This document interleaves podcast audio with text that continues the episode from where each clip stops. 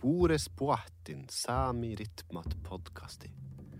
Velkommen til podkasten Samiske rytmer.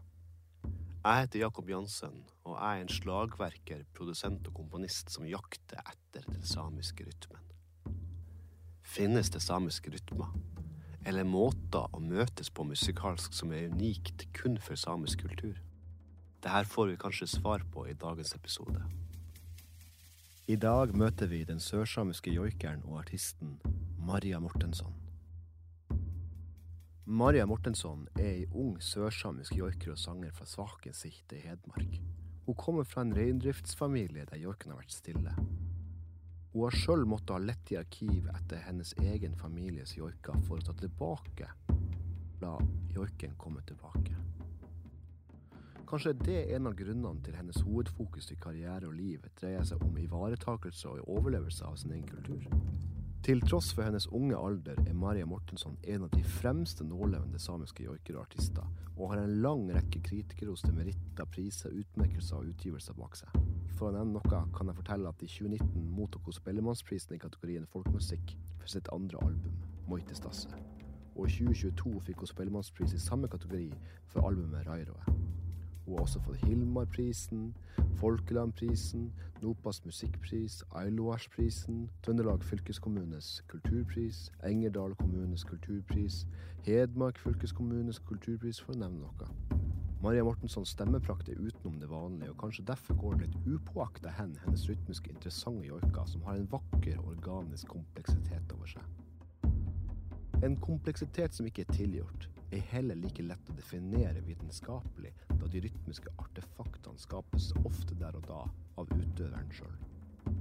I dag ønsker jeg å bli bedre kjent med Maria og hennes vei inn i joiken, samt forstå enda mer av hvordan hun forstår rytmer. Bore spoatin, Maria Mortensson. Gito? Ja, fra arkiv til Spellemannspris, på søken etter din egen kulturarv, gjennom lydarkiv. Kan ikke du fortelle oss litt om din musikalske vei? Ja Min uh, musikalske vei er vel uh, Begynner jo på en måte i barneskolealder, tror jeg. Det at vi ble Eller hva skal man si? Vi ble jo oppfordra til å lage dikt, eller skrive dikt på sørsamisk og ORL-samen og eh, synge sanger eh, når det var ulike tilstelninger i bygda. For vi var jo da bygdas underholdning, der eh, vi Eller jeg vokste opp, da.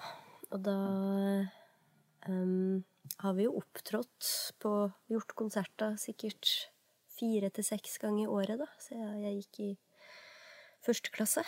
Um, og da, i starten så tenkte jeg nok ikke så mye over det, annet enn at det var noe sånn vi måtte gjøre, da, når det var ulike tilstelninger, som 6. februar og 17. mai, høsttakkefest, juletrefest, lysmesse.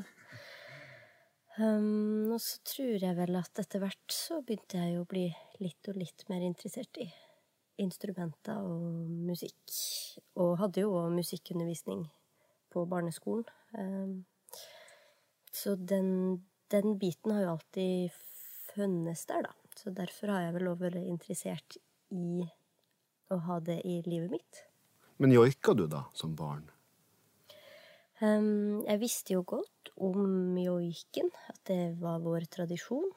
Um, men jeg vil vel kanskje ikke si at jeg joika så mye da.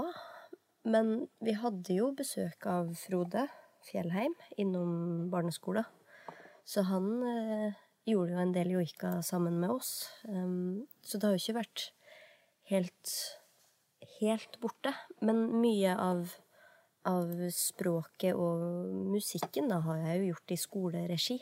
Eh, og har jo ikke fått joika med meg hjemmefra, sjøl om språket har jo alltid fulgt reindrifta, så har ikke musikken gjort det hjemme. I noe stor grad, i hvert fall. Men likevel så var på en måte samisk joik og samisk sang etablert på en måte i din oppvekst? Ja, vi hørte jo mye på CD. Ja. Så det Frode hadde gitt ut, um, Eilisk Altje, og så var jo òg Mari sine plater. Ulla Pirtijärvi hadde jo en del barneplater den tida når jeg vokste opp. Og Intrig gikk jo og rulla i barnehagen og uh, ja, i skoletid og fritid på skolen.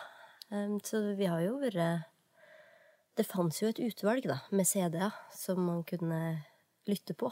Uh, og det Vi som elever brukte jo det òg. Kan ikke du fortelle om den første joiken du komponerte, hvis du husker det? Oi. Nei, jeg husker kanskje ikke den første Welien jeg komponerte. men, uh, men jeg vet i hvert fall at den handla om bot. Om rein. Okay. Livet i, i reindrifta. Um, men den første låta som jeg eh, skrev mer sånn tekstlig, da, som jeg tenkte det her, det her må jo bli en sang, den har jo òg et, et, slags syngende og litt sånn joikende, prøvende refreng, da. Sånn som Ondelim er. Så den er jo på første utgivelsen, Argire. Så det, den sang jeg jo kanskje når jeg var tolv år, da. Første gang offentlig, tenker jeg. Men der igjen så var det jo viktig det her at vi fikk utfolde oss kreativt da på skolen. Eh, det med å skrive dikt tror jeg jo var en av de utløsende årsakene. At vi skulle bruke språket vårt, lage dikt om helt hverdagslige ting, eller ting som opptok oss. Um, og har du jo etter hvert noen fine dikt, så er det jo veien litt kortere å sette melodi til dem. Så det tror jeg var veldig fint for meg når jeg var mindre. Og, og det ble jo da den måten jeg kunne bruke Eller jeg kan bruke ORL Samien mer daglig, da. Mm. Musikken ble jo en, en, en, viktig arena for å utvikle mitt eget språk. Og det kommer jeg jo aldri til å bli ferdig med. Så låtene mine kommer jo til å vokse i takt med mitt språk, tenker jeg. Mm. Og dybden på ting jeg skriver, vil jo sikkert variere fra år til år eller tiår til tiår, hvis man begynner å tenke stort på det. Så den spede begynnelse var vel kanskje onde lim, vil jeg vel si. Mm. Så gikk det jo litt og litt, tok jeg det. En, en ny låt her og en ny låt der. Og så begynte jeg jo musikklinja. Og da har man jo i hvert fall gjort et aktivt valg om at musikk er noe jeg har lyst til å eh, fordype meg mer i. Og da fikk jeg jo òg mulighet til å gå Frode sitt kurs med joik som utgangspunkt, for det hadde han i Oslo når jeg var 16-17 år. Um, men da var jo ikke jeg ferdig eh, Jeg var jo ikke ferdig med videregående, så jeg kunne jo ikke eksaminere på et, en høyskole eller universitet før jeg var ferdig med videregående. Så da tok jeg eksamen én gang. Eh, en prøveeksamen. Og så gikk jeg det samme kurset på nytt i 2014-15 for å få mine ekte studiepoeng. Så sånn kan man nå gjøre det. Og da ble du på en måte kjent med Frode? Kanskje du kjente han fra før av? Ja, eh, Frode har jo Siden vi har slektskapsbånd, jeg og Frode Fjellheim, så har jeg jo hørt han spille konserter siden jeg var ganske liten. Og um, Men første gangen vi jobba i studio, da gikk jeg vel i niende klasse, tenker jeg. Um, så da var jo Ondelim en av de låtene jeg hadde med dit. Så da fikk jeg jo teste litt det her å faktisk synge i en mikrofon i et studio. Uh, og det er jo litt uh, skumlere det, da, enn å synge foran folk. Føltes i hvert fall den gang sånn. Men Frode, han var jo veldig flink med meg på den måten at han sa at ja, men du må bare prøve litt forskjellig.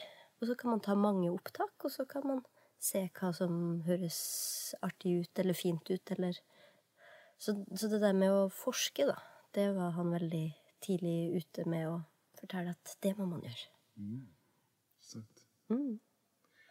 Og etter de her to kursene, de her med joik som utgangspunkt-kursene, så eh, var det sånn at du da begynte å gå i gang med å, å lage ditt første album? Er vi riktig kronologisk sett nå, da, på tida, eller? Jeg tror første gang jeg gikk Men jo ikke som utgangspunkt-studie, da var det jo mitt første møte med arkivene. Det er jo da i rundt 2009-2010, tenker jeg. Og det la jo mye av grunnlaget for hva jeg fant av joika. Så der plukka jeg meg jo noen joika som var i det umesamiske området. Um, og det kan jo vært litt tilfeldig uh, at det ble akkurat dem joikene. Men det var jo noe jeg, noen jeg syntes var fine. Jeg kan jo ikke så mye noter, så jeg har jo fått Frode har jo spilt noen av dem. Og så tok jeg med dem videre til min ætjaka, min farmor.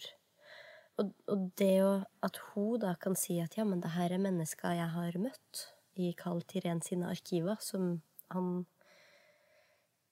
Dem er jo nedtegna på 1910 til 1915. Så da får man liksom en historisk kontekst, da, til det her arkivmaterialet. Og da ble det på et vis ganske nært i tid, sjøl om det er ganske lenge siden. Mm. Og det vil jo prege meg, tror jeg, i hele min musikalske liv og virke. Så lar jeg meg jo ikke slutte å fascinere av det jeg så og hørte for uh, ti år siden. Det, det blir liksom det grunnlaget, da som for meg var og er viktig. At jeg kjenner at jeg har mine føtter planta i en tradisjon. At jeg har lært mye av arkivmaterialer og andre joikere som òg er fra andre joiketradisjoner. Men det er noe med å, å ha Føle at man er en del av joikefilosofien og, og tankegangen rundt det. Og der kommer jo det her Ofte kommer jo det spørsmålet Ja, men Så du føler at du kan jo ikke? Og da blir det både ja og nei.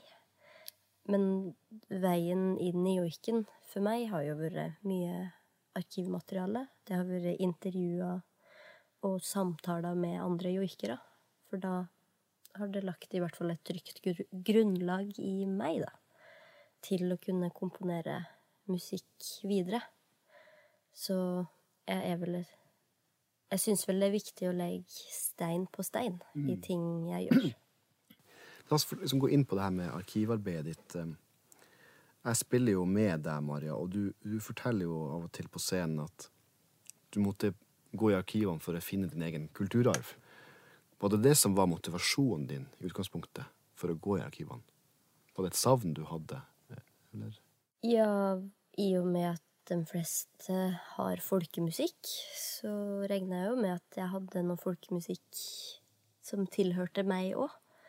Eh, og jeg vet jo at joiken er en del av meg, men det tok jo tid å bli kjent med den på flere vis.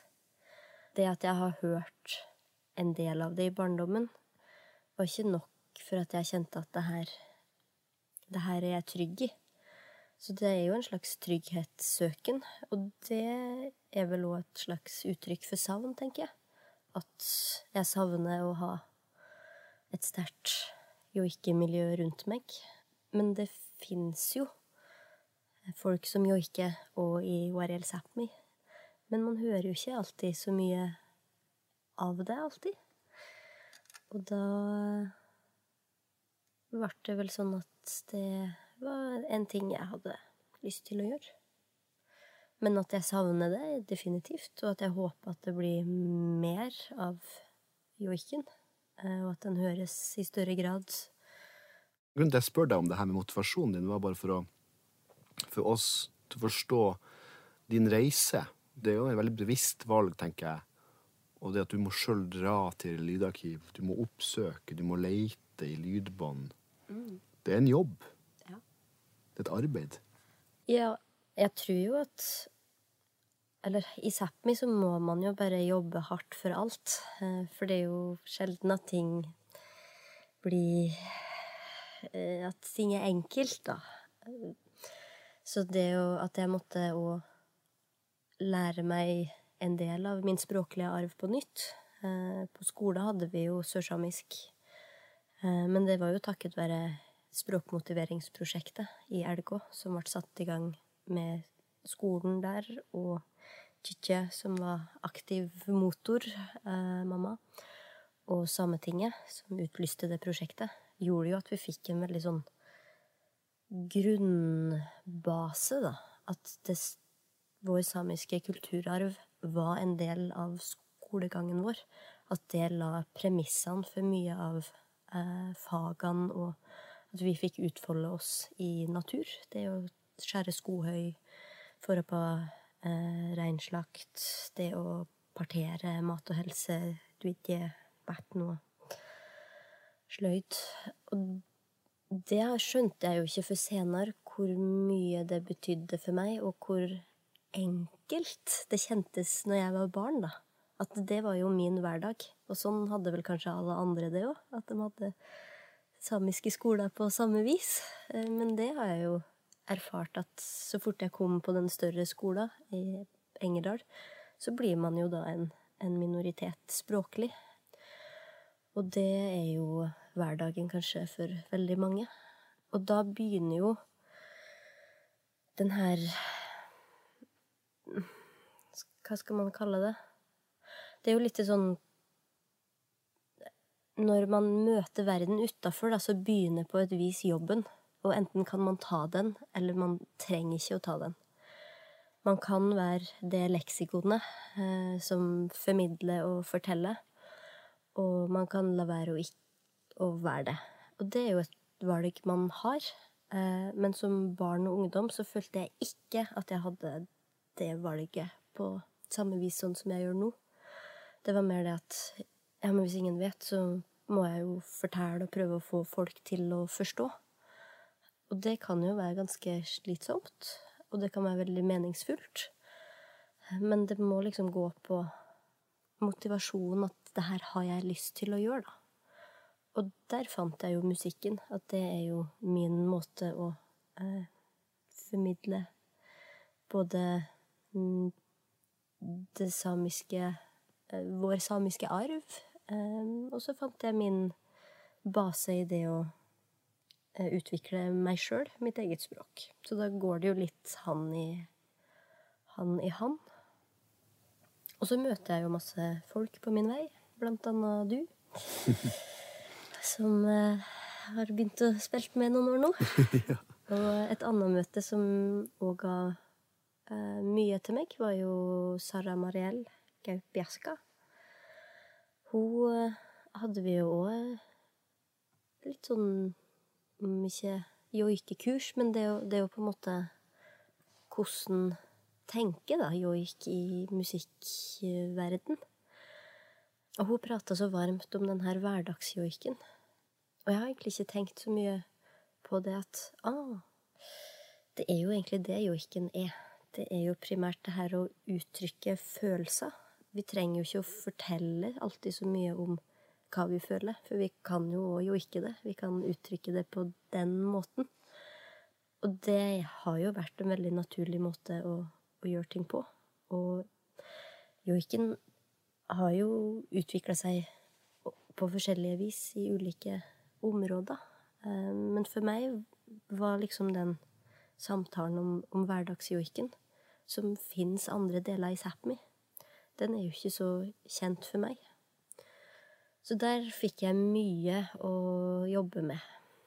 I, for min egen del, da. Å kjenne på at man kan jo ikke i hverdagen. Mm. Og det blir jo enda viktigere når man har fått barn. At det er Nå har man jo en enorm mulighet til å legge grunnlaget til neste generasjon. Ikke sant? Så der er jo kanskje der vi er nå, da i løypa. Fortell litt om eh, ditt arbeid med å måtte forstå din egen kulturarv. Og jeg er også litt sånn nysgjerrig med tanke på din akko. Hva hun har fortalt deg om joik, og, eller hvilke perspektiver du har tatt med deg fra hennes, eh, formidling til deg om, om det du driver på med nå? Ja. I og med at jeg har vokst opp i Svakensikte, i en reindriftsfamilie der, så er jo reindrifta eh, Min barndom og oppvekst har jo vært veldig knytta til arbeidet med bot, med rein.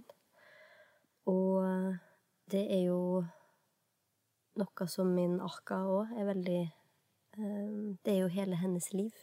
Hun ånder og lever eh, for boetso, for reindrift. Og mm, Det Sápmi er veldig flink på, er jo nettopp det her med historiefortelling. Det å fortelle historier fra generasjon til generasjon. Og fortelle at det her er viktig, eller og sånn her kan man gjøre ting, og sånn gjorde vi fra gammelt av. Og det å få med seg det perspektivet, da, at man har med seg kunnskapen fra generasjonene før, er jo noe som jeg har satt utrolig pris på, og som jeg tenker òg er en veldig stor styrke vi har i nære slektskap og de båndene vi har til hverandre og naturen og bots, da, for min del, rein. Um, så det at jeg begynte å interessere meg for joik, um, var jo ikke noe hun har prata så mye om sånn før jeg begynte å spørre. Og da tenker jeg jo at det var bra, og det var veldig viktig at hun eh, hadde lyst da, til å fortelle mer om hva hun opplevde når hun var eh, eh, ung, hvordan joiken var i hennes familie, og når hun hørte den, og hun sier jo at hun joiker jo ikke så noe sjøl, eh, men men hun er jo fortsatt født og oppvokst med, med den. Og det er jo noe jeg gjerne kunne ønske jeg var. Men jeg har da fått den gjennom hun på et vis. Fordi det er den her formidlingsbiten, da, som ligger i, i mye av det vi erfarer som barn. For vi Jeg har nå i hvert fall vært nødt til å være med på alt av jobb Unger får jo jobbe så mye de vil, på et vis. Så er vi trøtt når vi var små, ja, da fikk vi gå og legge oss. Men vi var jo alltid der til, til uh, reinslakten eller skillinga og merkinga var over. Og da, først da kunne vi dra hjem. Så den der tålmodigheten vi måtte ha, og overføringen av kunnskap som man bare er nødt til å være til stede med folk da, for å få, den eh, setter jeg enormt stor pris på. Sikkert mer og mer jo eldre jeg blir, og ser ansvaret for det å prøve å gjøre det litt på samme vis videre. Kan jeg spørre deg, Maria, hvordan kommer en joik til deg? Når jeg prøver å lage en vuelie en joik, da er det jo ofte fordi jeg har et behov for å joike noe. Eller jeg ser at 'Å, det her har jeg ingen joik for'. Så da funderer jeg litt på hvordan det kan høres ut, og så prøver jeg meg fram. Og andre gang så kan det være noen utrolig fine melodier som må finne sitt hjem i en eller annen form. Så jeg tror vel det er begge deler. Det at det både kan dukke opp en, en buelle, men òg det her med å aktivt lage noe til noen eller sted. Men dukker de opp, kan de dukke opp hvor som helst du, du er på reise, eller dukker de oftest opp hjemme, eller er det noen spesiell type um, plasser hvor joika kan dukke opp, vil jeg vel tro er litt forskjellig. Men den klassiske Det klassiske joikestedet er jo bilen. Det å kjøre bil. Det får jo tankene på glid, og da tenker man jo å fundere og teste litt. Eh, eh, jo ikke ideer. Og så må man eh, stoppe bilen hvis man får en veldig god idé, og få tatt opp det der. Og så kan man kjøre videre. Hva tenker du er viktig for deg for å føle at du joiker godt? For å joike godt så trenger jeg jo fil. Det å kjenne at, eh, at ting flyter. Men det kan man Den følelsen kan man jo få ganske fort når man joiker.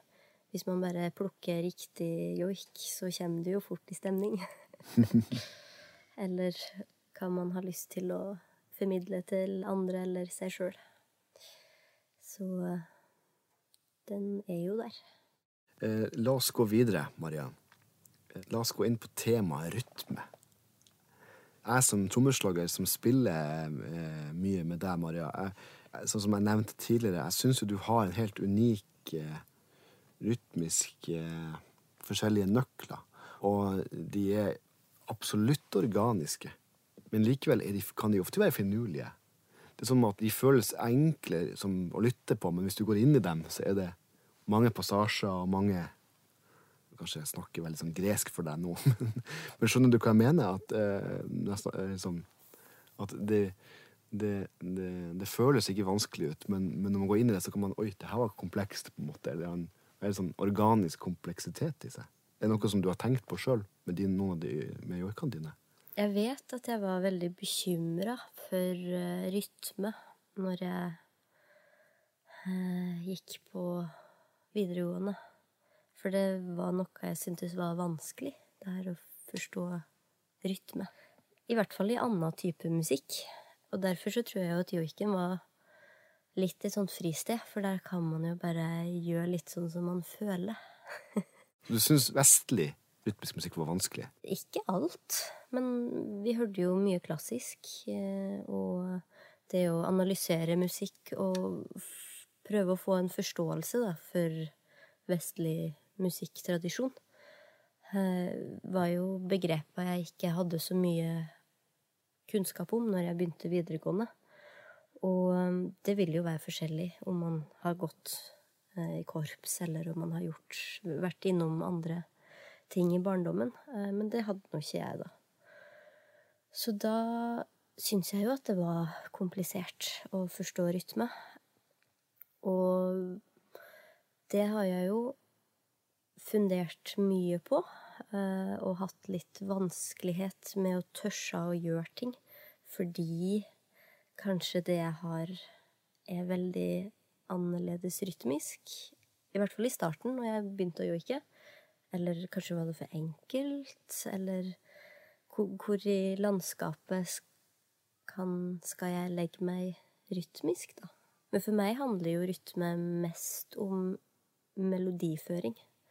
At sånn her høres eh, en bra joikemelodi ut. Mm. Og da kan den hoppe litt sånn, og den kan hoppe litt slik, og så blir det en sånn artig sak, eller bare en, en fin joik, eller at den bare føles riktig. Så, eh. så for deg Beklager at jeg avbryter, men hvis jeg forstår deg riktig, så sier du at melodi og rytme er litt det samme for deg? på en måte? Ja, en melodi må ha en rytme. Hvis jeg bare kunne laga en melodi så, og sluppe å tenke på at rytme eksisterer, mm. så hadde jeg ikke brydd meg Jeg hadde ikke tenkt rytmisk. Jeg hadde kun tenkt tenker nok mest melodisk. Men når du sier at du tenker ikke rytme, du tenker melodi, på en måte, ja. da ligger jo rytmen i det. Den er jo innebygd der. Mm. Og det tror jeg den bare skal få være. Ja, det her med det å møte folk, da. Så når man skal spille i band, så må man jo spille sammen. Og da må man bli enig om hvordan en melodi går, og hvor mange runder den skal gå, og kanskje skal man ha en del til. Og da blir det jo litt mer en låt. Man kan sette to joiker sammen. Og det der eh, øyeblikket, da, er jo innmari nervøst når man skal først presentere én joik, og så presentere en joik til. Få det her til å henge i hop. Går det? Og ikke minst klarer jeg å gjøre det samme om og om igjen. har jeg skjønt hva jeg sjøl gjør? Det hørtes ikke sånn ut når jeg tok det opp. Jeg trodde mitt hode, og så Kanskje jeg må endre litt på den, og så skal jo da dere i bandet inn og lytte på det her, og enten klø dere i hodet, eller si det her var, det her var jo fint og greit. så det møtet, da, når man først skal lage joiken til noe større, eh, er jo et nervøst øyeblikk for meg. Hver gang.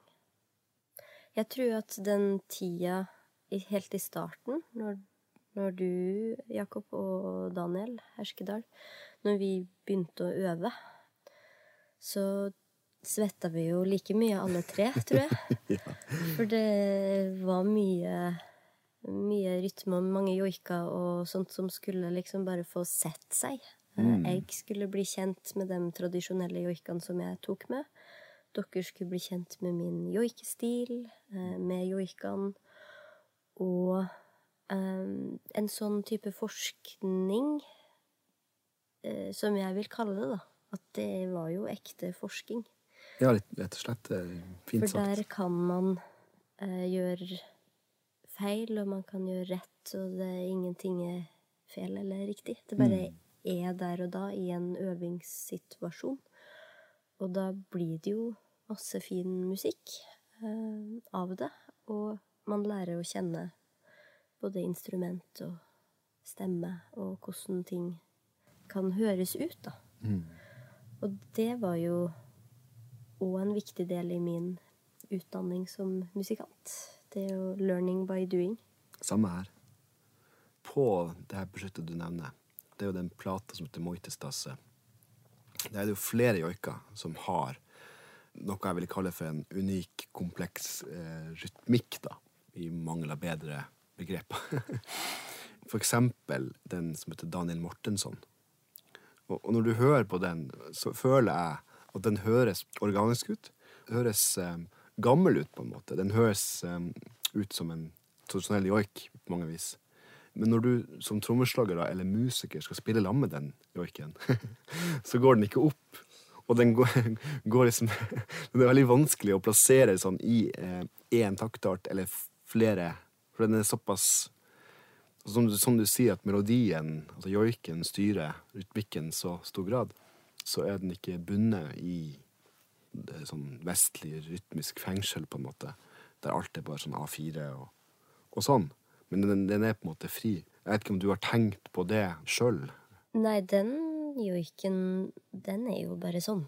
Det er jo når jeg laga den eh, til til Daniel Mortensson, så var jo det en, en melodi En joikemelodi som jeg tenker Den har jo framdrift, og den har litt sånn karakter, og Han er jo min matter mattereia, tippoldefar, så jeg har jo ikke kjent han som person, men han har jo vært en, en viktig eh, bidragsyter til det samiske samfunnet. Og eh, med 2017-jubileet, tror jeg at så var det sånn jeg tenkte da, når jeg laga den joiken. Og fortsatt så tror jeg jo den er sånn noenlunde passende, uten at jeg trenger å endre for mye i den. Den har siden sitt liv. Og det å da presentere den og skulle lage et arrangement rundt den, så fins det jo flere måter å gjøre det på. Og jeg var jo såpass uh, ny i bandverden. At uh, enten så kunne dere jo sagt at ah, vi, må, vi, må, nok runde av kantene her og, og gjøre den litt mer Sånn at, å, at den går opp, da. At vi kan spille den. Eller man kan beholde den sånn som den er, og lage noe rundt det. Og jeg har veldig trua på den siste måten å gjøre det på. Men det visste jeg jo ikke eh, den gangen. At det var kanskje det som føltes mest det føles mest riktig for meg nå, da.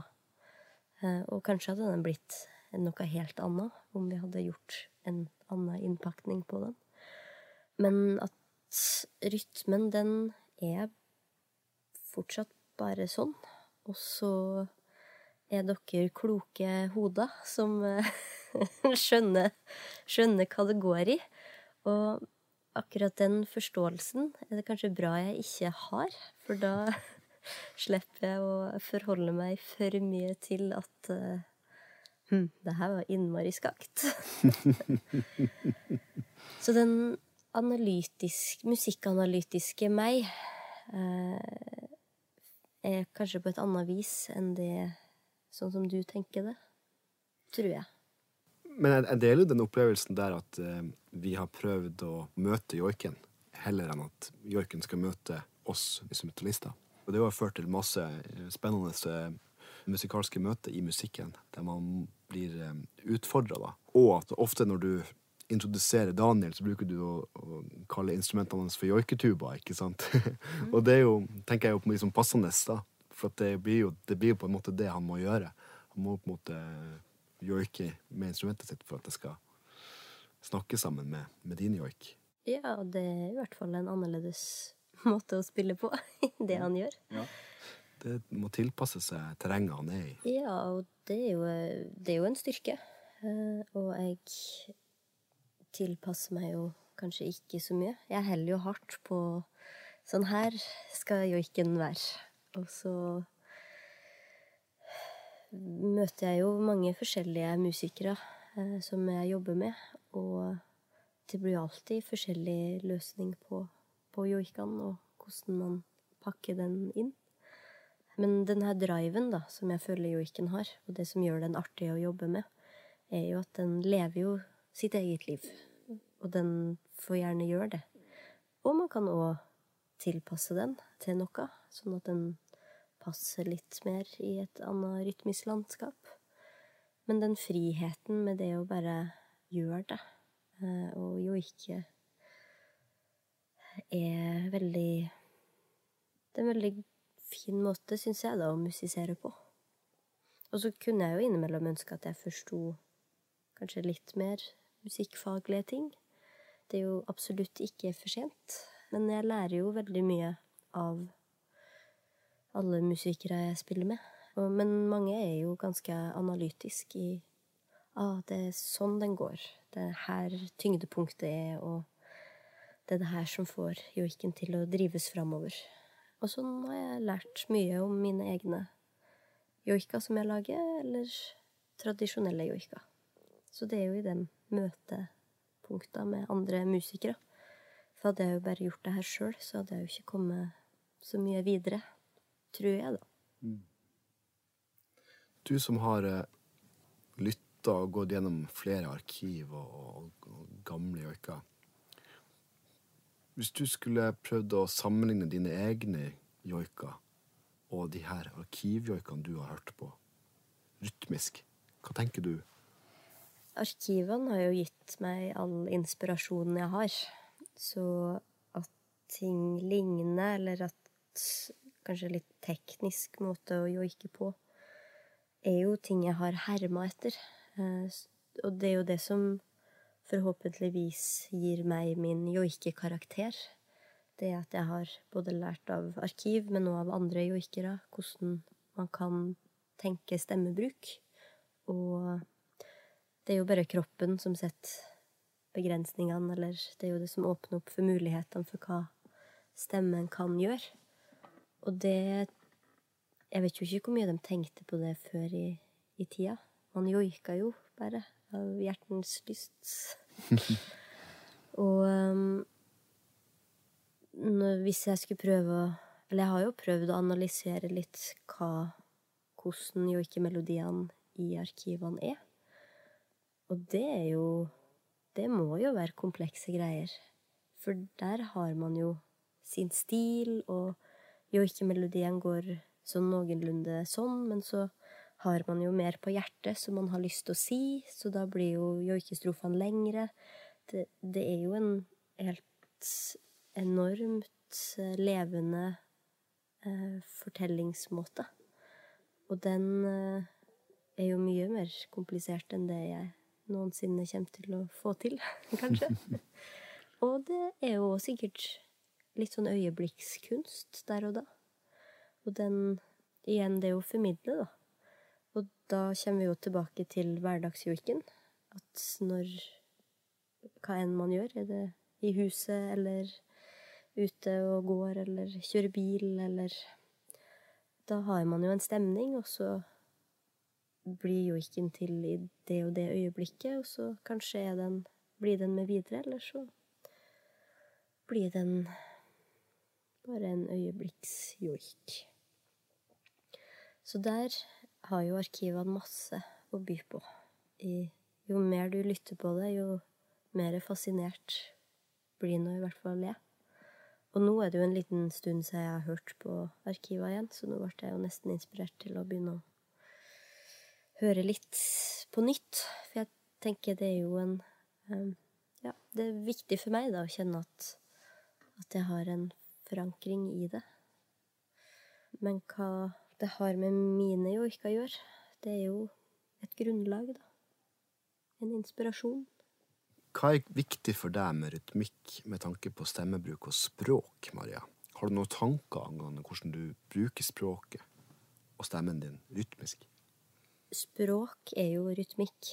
Så har man jo en tekst, eller har jeg en linje eh, som jeg tenker å, det her var en fin ting å, å si, så gir man jo det en melodi, og så gir jo det videre en rytmikk. Det trenger jo ikke være noe vanskeligere enn det. At språket gir òg en rytme. Og er man fri nok, så eh, gir man jo teksten en melodi, og så har man en ny linje, så man gir en variasjon av den melodien. Så vil det jo bli eh, forskjellig rytmikk på de to frasene, eller de to linjene. Og så kan man bruke det. Og da kan det jo bli en hel låt. Ja.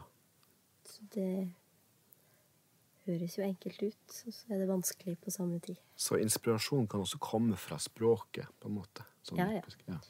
Jeg er jo en tekstforfatter der, eh, på et vis. Um, og skriver jo også rene sanger.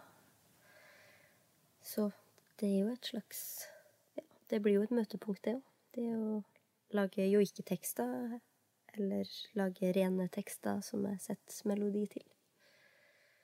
Og jeg tror jeg har blitt litt og litt mer flink til å på konserter i øyeblikket gi nye strofer til joikene der og da. Joikene formidler jo en type tematikk, men så kan jeg utbrodere den med mer tekst, eller med variasjon i joiketema. Og det syns jeg jo er et artig landskap å jobbe i, da. At jeg har et joiketema, og så kan man variere det mer og mer, og plutselig så har du brodert ut nye små motiv som gir nye enere, eller nye tunge fraspark. Og så bare leker man seg med det. Det er vanskelig når man gjør det på øving. Og så er det mye lettere når man er på konsert, for da må man bare hoppe i det. Har du noen eh, sjangerknagger du bruker i møte med samisk musikk eller joik, Maria? Jeg tenker nok ikke sjanger i det hele tatt. Jeg tenker alt som er fint, og alt som er artig. Det jobber jeg med. Skjønner. Hva tenker du om påvirkninga fra storsamfunnets musikk mot joiken? Min joik har jo definitivt blitt påvirka av andre musikktradisjoner og vestlig musikk og tonalitet som vi hører fra vi er veldig, veldig liten. Så det her med at i arkivet så er jo ikke alt i pitch. Det, tonen kan jo både stige og synke i, i samme joik. Og det leter jo utrolig eh, finurlig, da. Når, når jeg hører joikere som kan det.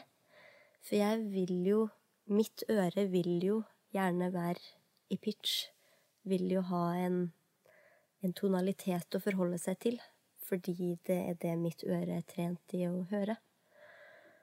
Så for meg vil jo det være artig og en bra ting om jeg kan prøve å utfordre litt tonaliteten i, i mine joiker.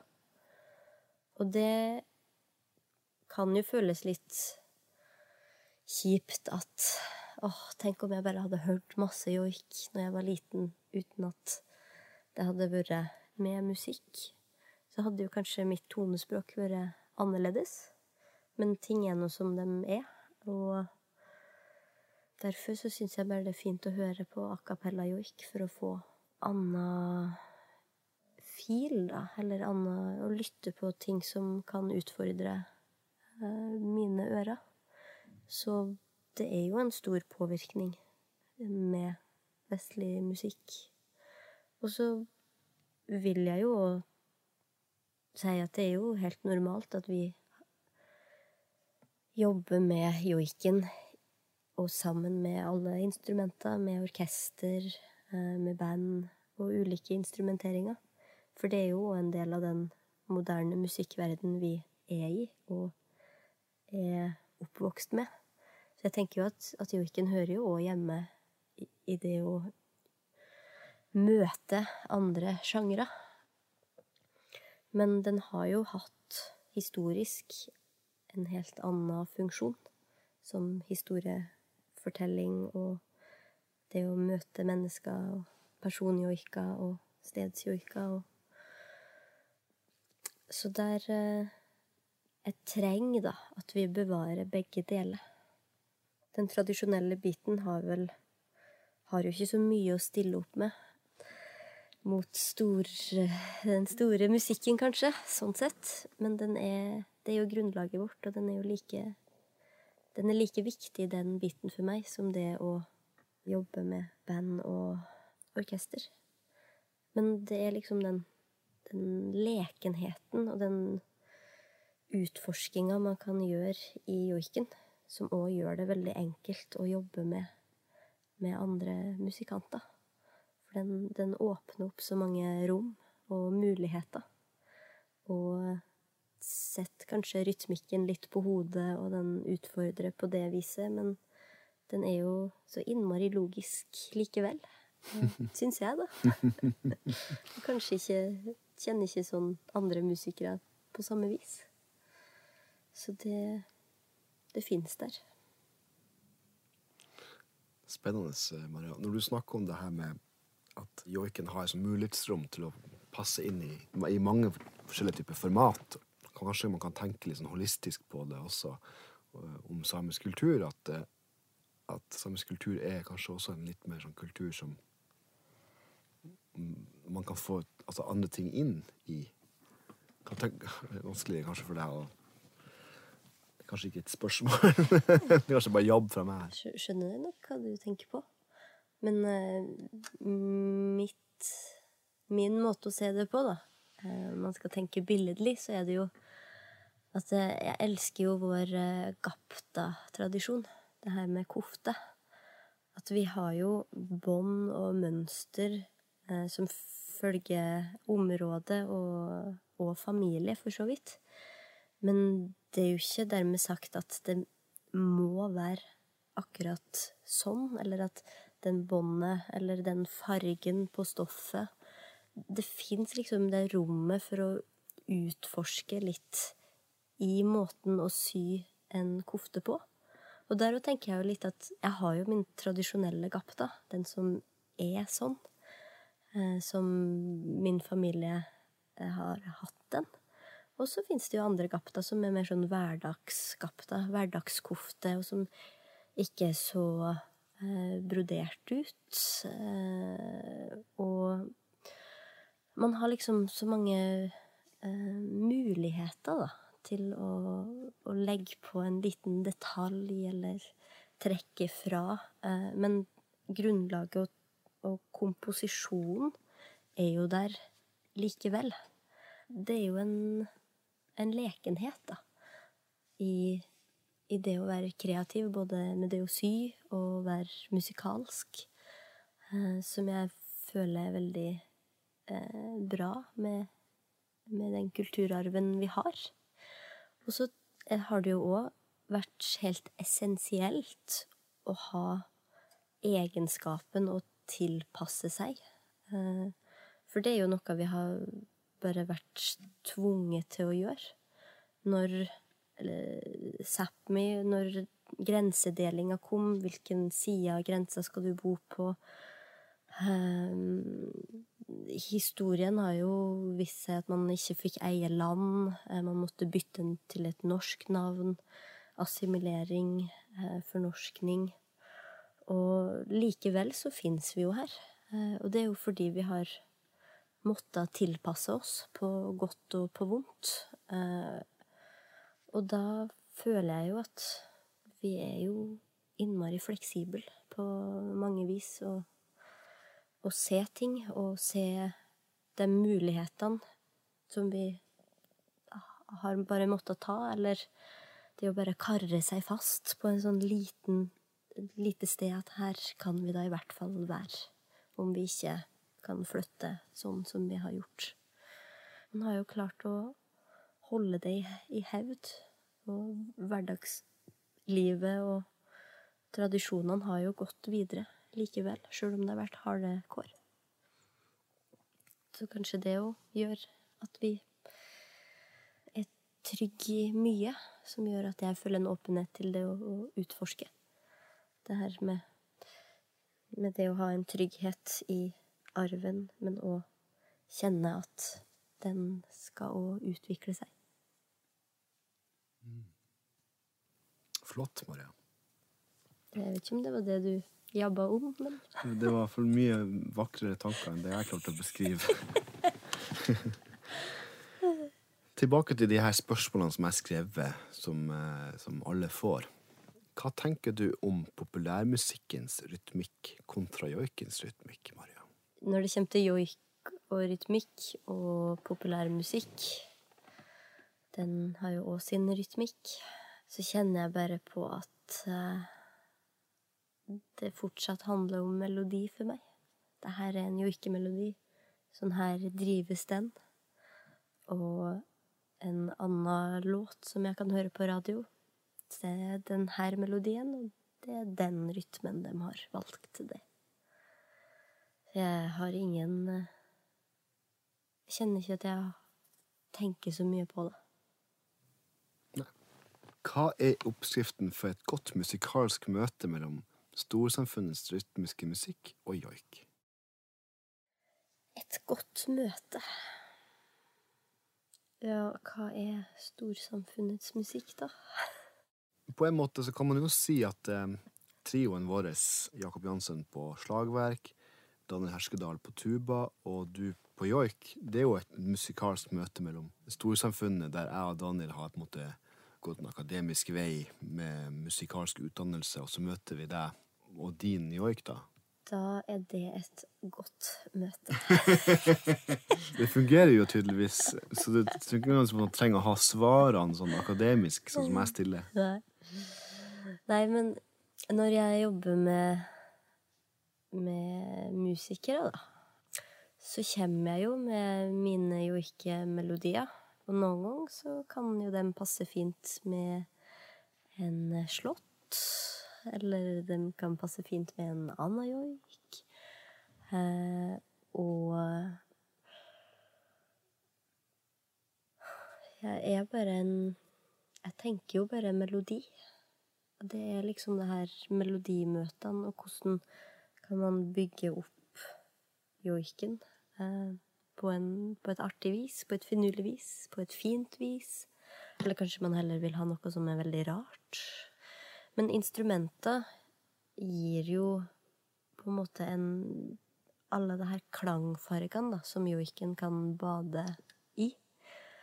Og ulike instrumenteringer som fins, gjør jo at joikene høres litt ulike ut fra besetning til besetning. Og gir joiken forskjellig uttrykk, da. Eh, men i bunn og grunn så er jo måten jeg joiker på, og melodien, den den er jo der. Og så kan den intensiveres av masse stryk. Eller den kan bare puste lett i et rytmisk ostinat. Så man legger jo til, på et vis.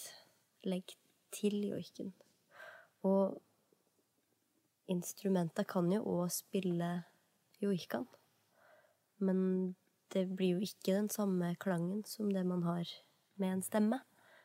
Men måten å frasere på vil jo være mulig å få til i et instrument likevel. I hvert fall når det kommer til tyngde og styrke og hvordan melodien skyter av sted eller trekke seg tilbake.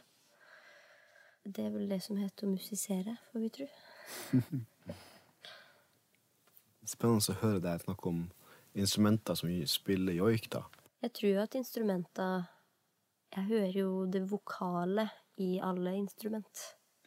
Så jeg er joiker og vokalist. Så er jo min måte å frasere ting på å bruke stemmen. Det kan jeg jo høre igjen i instrumenta. Og hvis dem som spiller og hører på måten jeg joiker på, så kan man jo sikkert på et vis adoptere en del av det. Tror jeg. Men jeg spiller ikke instrument. Som du vet, så har jeg nettopp begynt på doktorgradsstudiet. Og har du noen tips, eller har du noe du mener er viktig for meg som student å fokusere arbeidet mitt på? For meg har det jo vært så viktig å høre masse joik. Det å lytte på gamle opptak har jo vært en innmari stor del av min eh, min studietid. Nå har ikke jeg studert joik mer enn 15 studiepoeng i høyskole- og universitetsverden. Men det er jo bare å, å finne sitt grunnlag, da finne, se om man kan finne noe som kanskje hører til stedsmessig, der man kommer ifra. Fins det joiker som hører til ens familie, eller noe som man føler er viktig, så er jo det et, et bra sted å, å, begynne. Og ikke minst den her nysgjerrigheten, og kanskje Kanskje er det jo flere som har det savnet, da, om å vite mer om hva er joiken, hva har den vært, hvordan fungerer joiken nå i samfunnet rundt oss? Burde vi være mye flinkere å møtes og joike, eller diskutere joik? Og bare ta den spontane plassen, da.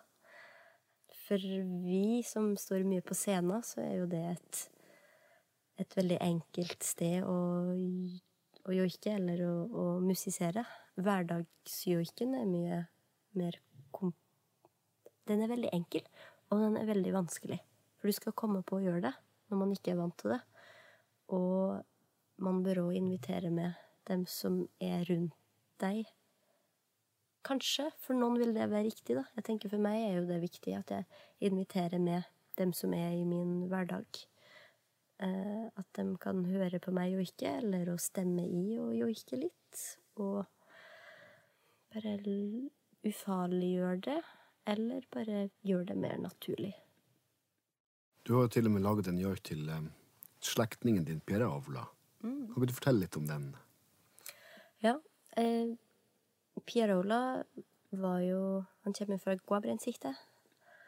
Han eh, var jo den yngste i familien en god stund.